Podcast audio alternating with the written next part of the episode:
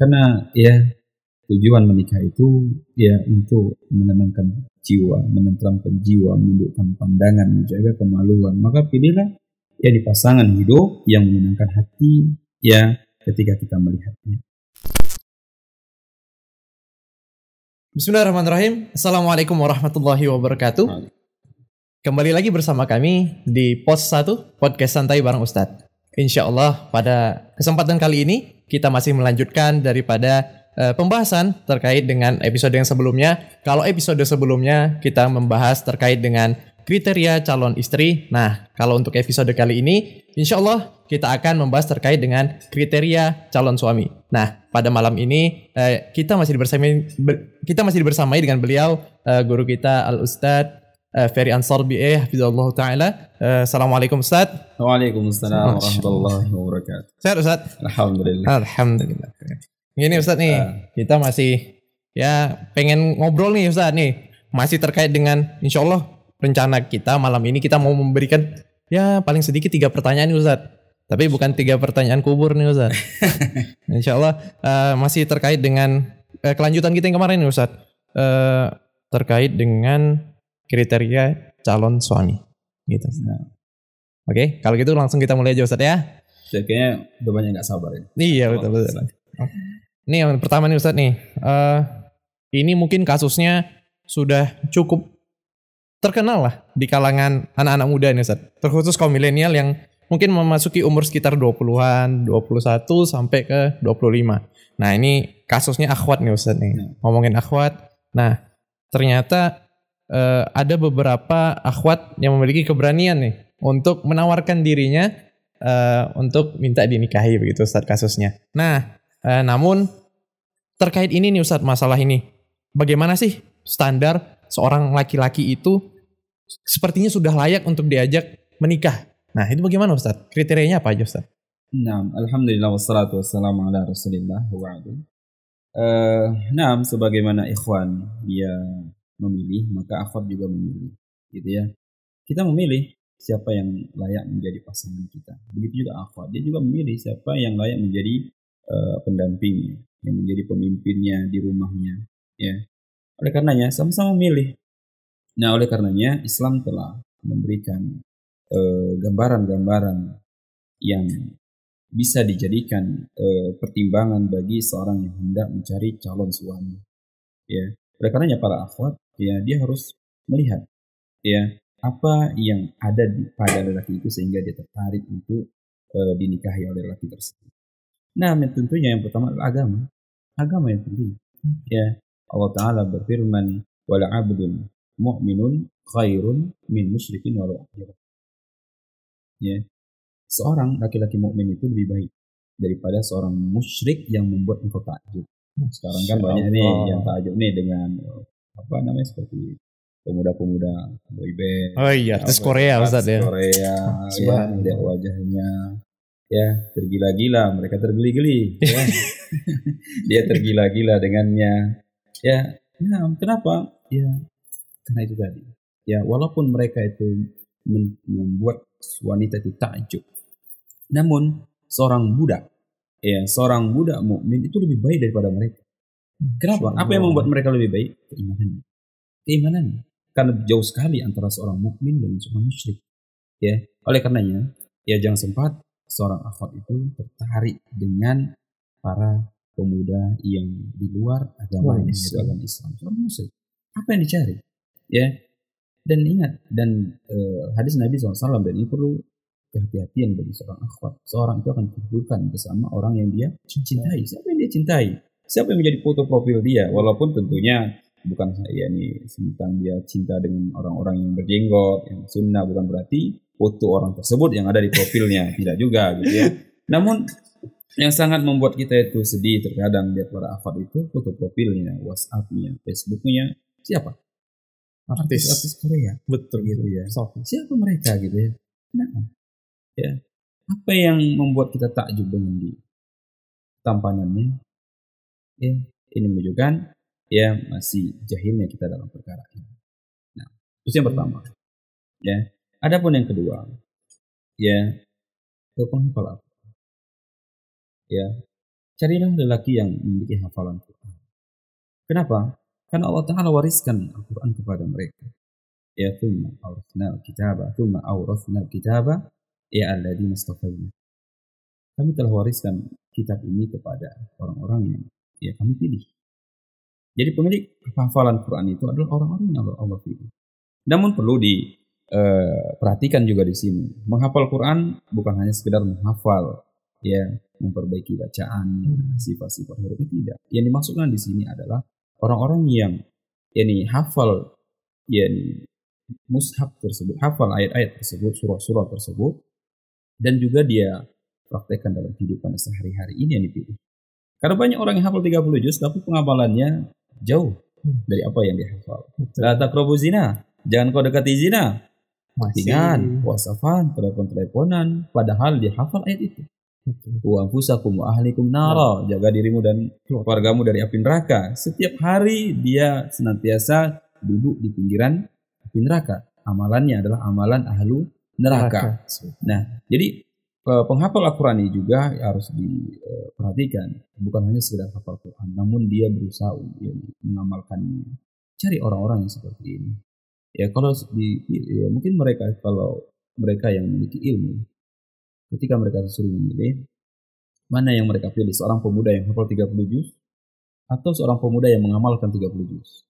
Tentu yang mengamalkannya walaupun dia tidak hafal. Ya, tentunya orang yang mengamalkan Al-Quran lebih baik daripada orang yang sekedar menghafal Al-Quran. Karena tujuan diturunkannya Al-Quran ya untuk diamalkan. Untuk ya, al-matlub wal ya ini tujuan dan uh, yang dituntut dari Al-Quran itu diturunkan adalah untuk diamalkan. Jadi carilah pemuda-pemuda seperti ini. Ya carilah pemuda-pemuda yang memiliki hafalan Quran dan hmm. dia senantiasa beramal sebagaimana perintah yang terdapat dalam Quran. Dia tinggalkan sesuatu karena Al-Quran melarangnya. Cari pemuda seperti ini. Kemudian memenuhi ba'at. Ini penting ya. Laki-laki yang mungkin sehat ya, bukan laki-laki yang uh, mungkin dia di sana ada penyakit yang mungkin tidak mampu dia nanti penuhi kebutuhan nafkah secara batin untuk istrinya. Hmm. Tentunya dari mana kita mengetahui? Tentunya dari orang-orang yang mengenalkan itu. Cari tahu tentangnya. Ya, jangan pula eh, setelah menikah menangis dia gitu ya, mengadu terus ya, berlinang air mata. Kenapa? Karena suaminya tidak bisa memberikan nafkah. nafkah. Nah, ini juga ya nih PR bagi para pemuda. Hmm jangan sempat dia mengecewakan pasangannya nanti.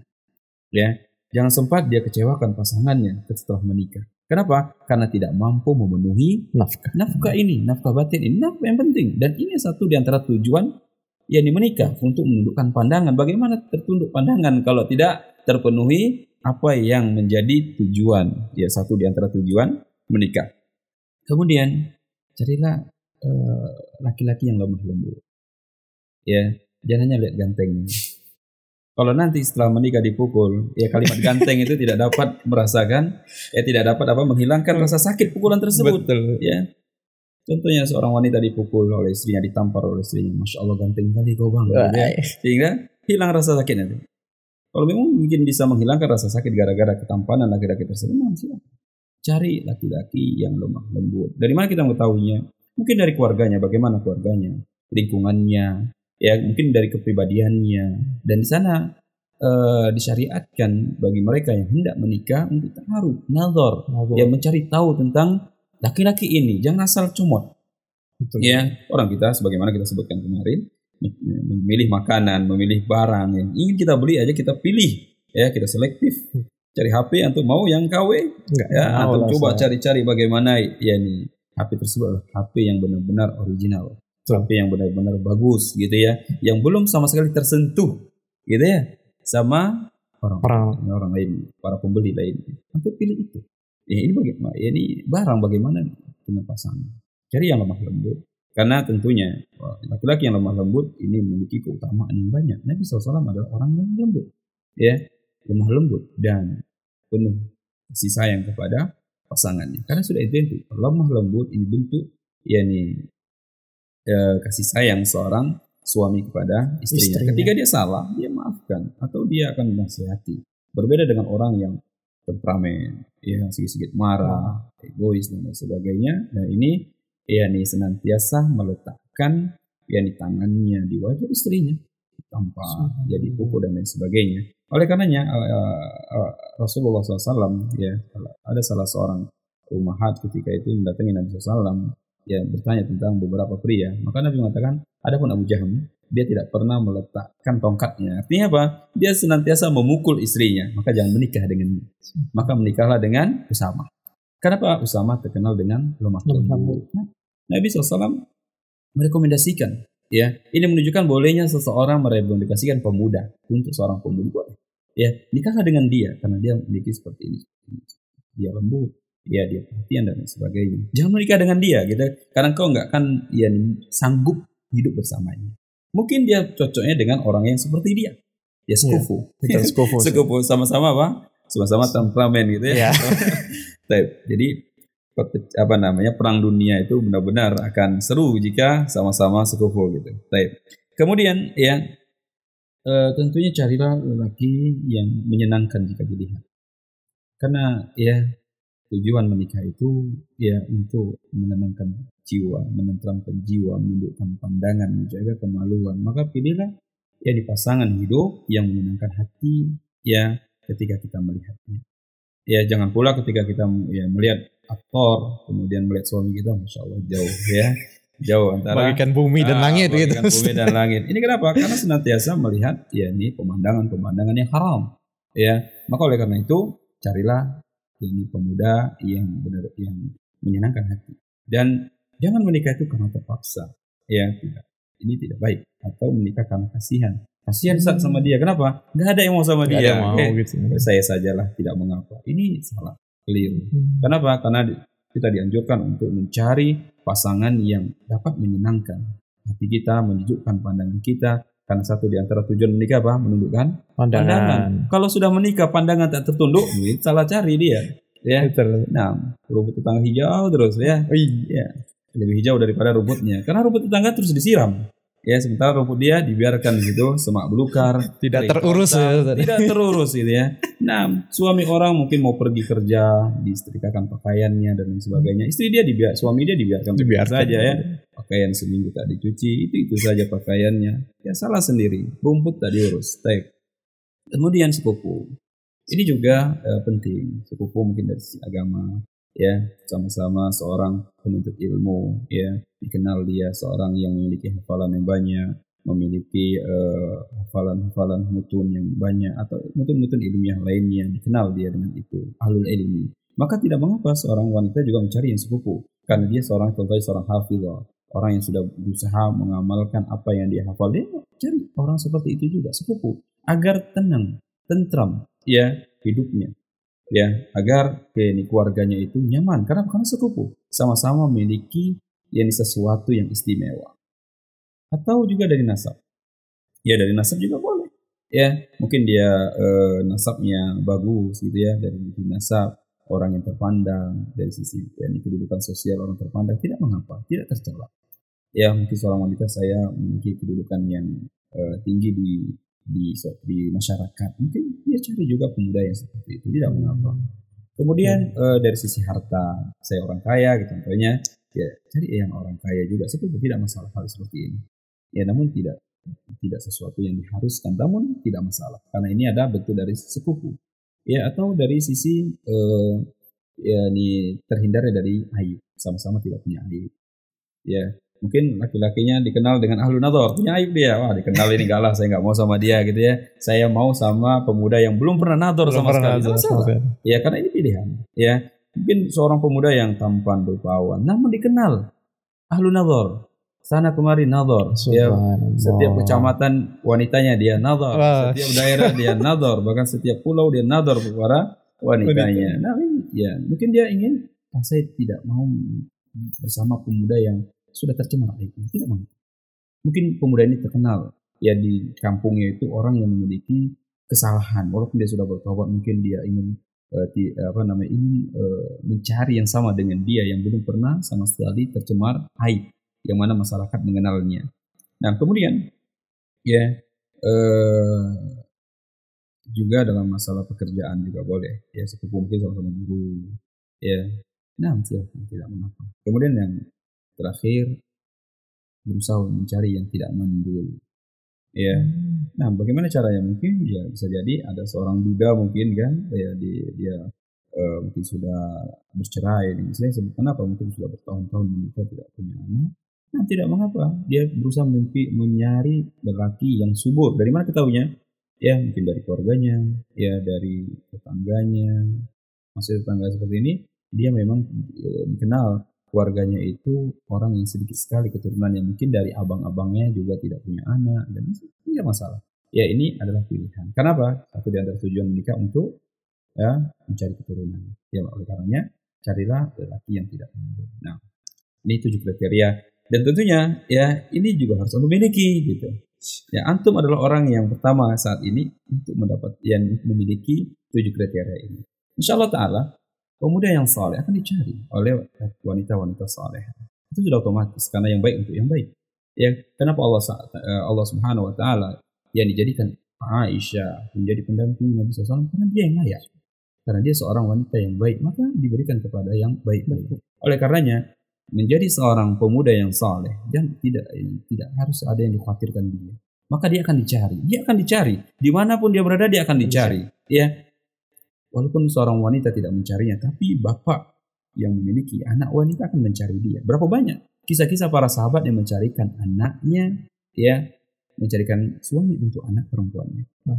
Ya, karena dia lihat di, di, majelis, dilihat pemudanya, ya, melihat pemuda di majelis, kemudian dia jodohkan kepada anaknya. Seperti orang tua yang peka, yang perhatian dengan anaknya. Siapa yang layak menjadi pendamping untuk anaknya? Siapa yang layak menjadikan menggantikan posisinya untuk menjaga anak, anak perempuan? Nah, seperti itu. Nah, Bapak. Oke, untuk selanjutnya nih Ustadz nih. Nah. Uh, mungkin tadi kita sudah menyebutkan terkait dengan kriteria-kriterianya. Hmm. Nah, uh, sekarang untuk um, kiat-kiat nih Ustadz, ya. bagaimana cara memilih laki-laki supaya sesuai gitu Ustadz?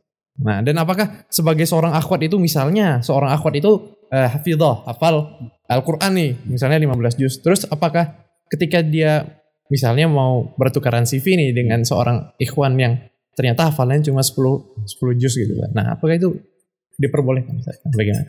Nah, sebagaimana kita katakan tadi, ya untuk mencari pasangan itu satu di antaranya memiliki hafalan.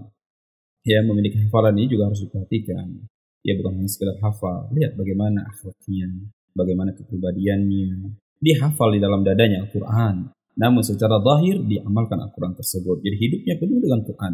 Dadanya diisi dengan Quran. Ya tubuhnya jawarihnya. Ya perbuatan-perbuatannya adalah perbuatan-perbuatan yang ya sesuai dengan perintah Al-Quran dan larangan dari Al-Quran. Ketika Aisyah ditanya bagaimana akhlak Nabi Al-Quran. Akhlak Nabi adalah Al-Quran oleh karenanya, seorang yang berusaha mengamalkan Quran, dia adalah orang yang cinta kepada Nabi, mengikuti Nabi Sallallahu Alaihi Wasallam. Nah, ketika bertukar biodata seperti itu, tentunya uh, pertukaran biodata ini melalui orang yang memang benar-benar yang terjaga.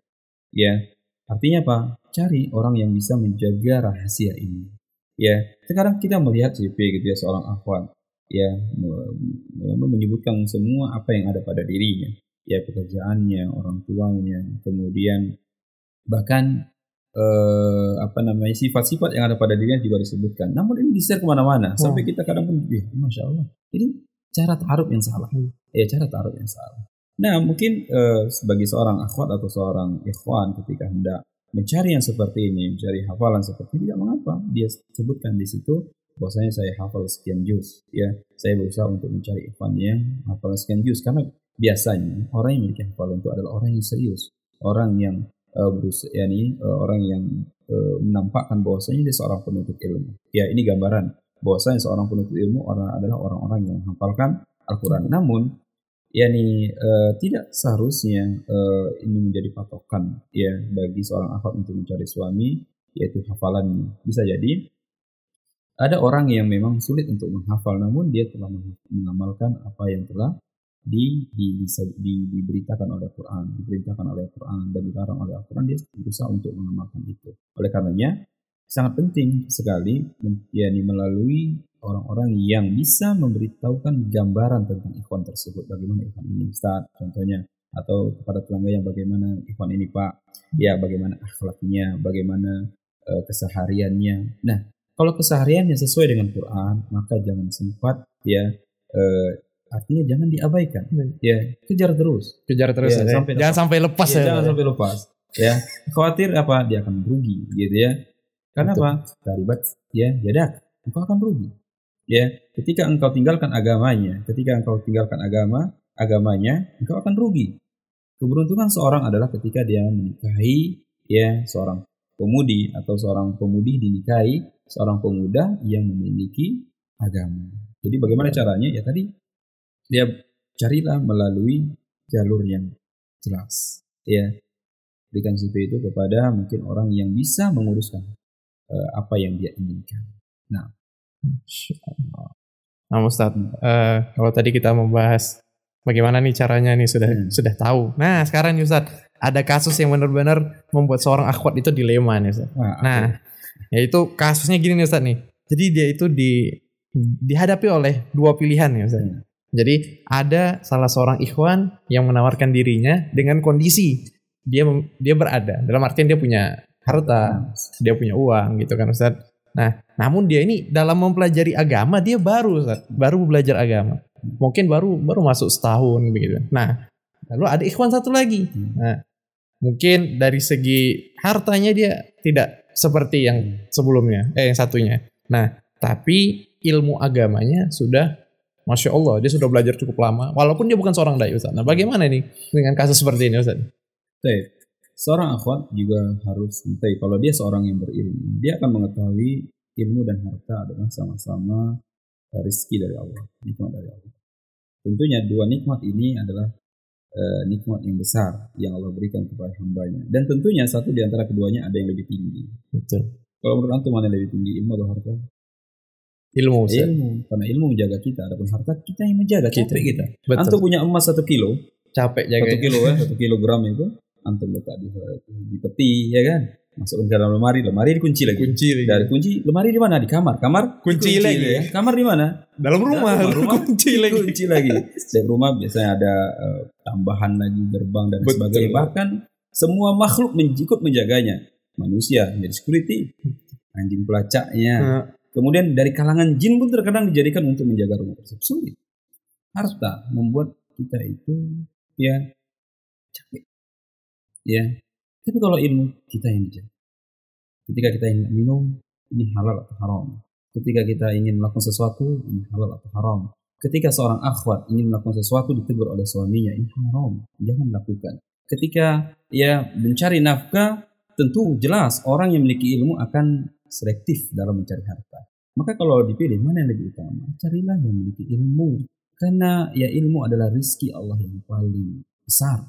Para nabi sallallahu para nabi ya alaihi salatu wassalam mereka diberikan Allah kenikmatan yang besar yaitu ilmu. Bahkan tidak pernah mereka menambah meminta tambahan kepada Allah kecuali ilmu. Robi zidni ilma. Ya Allah tambahkan kepadaku ilmu. Maka carilah orang-orang yang memiliki ilmu. Adapun harta ya sebagai penyerta. Tapi kalau ada ilmu dia, ada harta dia, Wah, itu lepas paket ya. lengkap itu, Jangan Ustaz. pakai lepas, jangan sampai lepas ya. Cari di mana ya nih eh, keluarganya. Ya, seperti itu. Nah Ustaz, eh, waduh, ini dari apa yang antum sampaikan ini sepertinya cukup berat juga nih Ustaz bagi seorang laki-laki untuk mempersiapkan dirinya. Ya, tapi terus harus berusaha ya. Betul. Jangan langsung pesimis. Optimis, saya harus ya, bisa. Ustaz. Ya, sedikit ini, tujuh syaratnya sedikit sekali gitu ya. Sangat sedikit. Nah, antum udah dapat enam setengah kan? Ya, setengah lagi. Ya. Cari setengah lagi ya. Baik, apa setengahnya? Ya, karena antum belum punya istri gitu ya. Nah, sempurnakan dia. Baik. Masya Allah. Nah Ustaz, eh, sepertinya itu saja nih Ustaz yang yang kalau ditambah lagi nanti semakin berat ya nih Ustaz sepertinya. Baik, Mungkin nanti episode yang akan datang insyaallah. Masya Nah, Allah. Nah, eh, mungkin kita cukupkan Ustadz ya. Nah, nah, eh, pada pemirsa semua, mungkin untuk malam ini cukup sekian yang bisa kita sampaikan. Eh, insya Allah eh, pembahasan selanjutnya akan kita eh, sampaikan pada episode berikutnya. Insya Allah. Nah, Ustadz, Fadol, minum dulu Ustadz.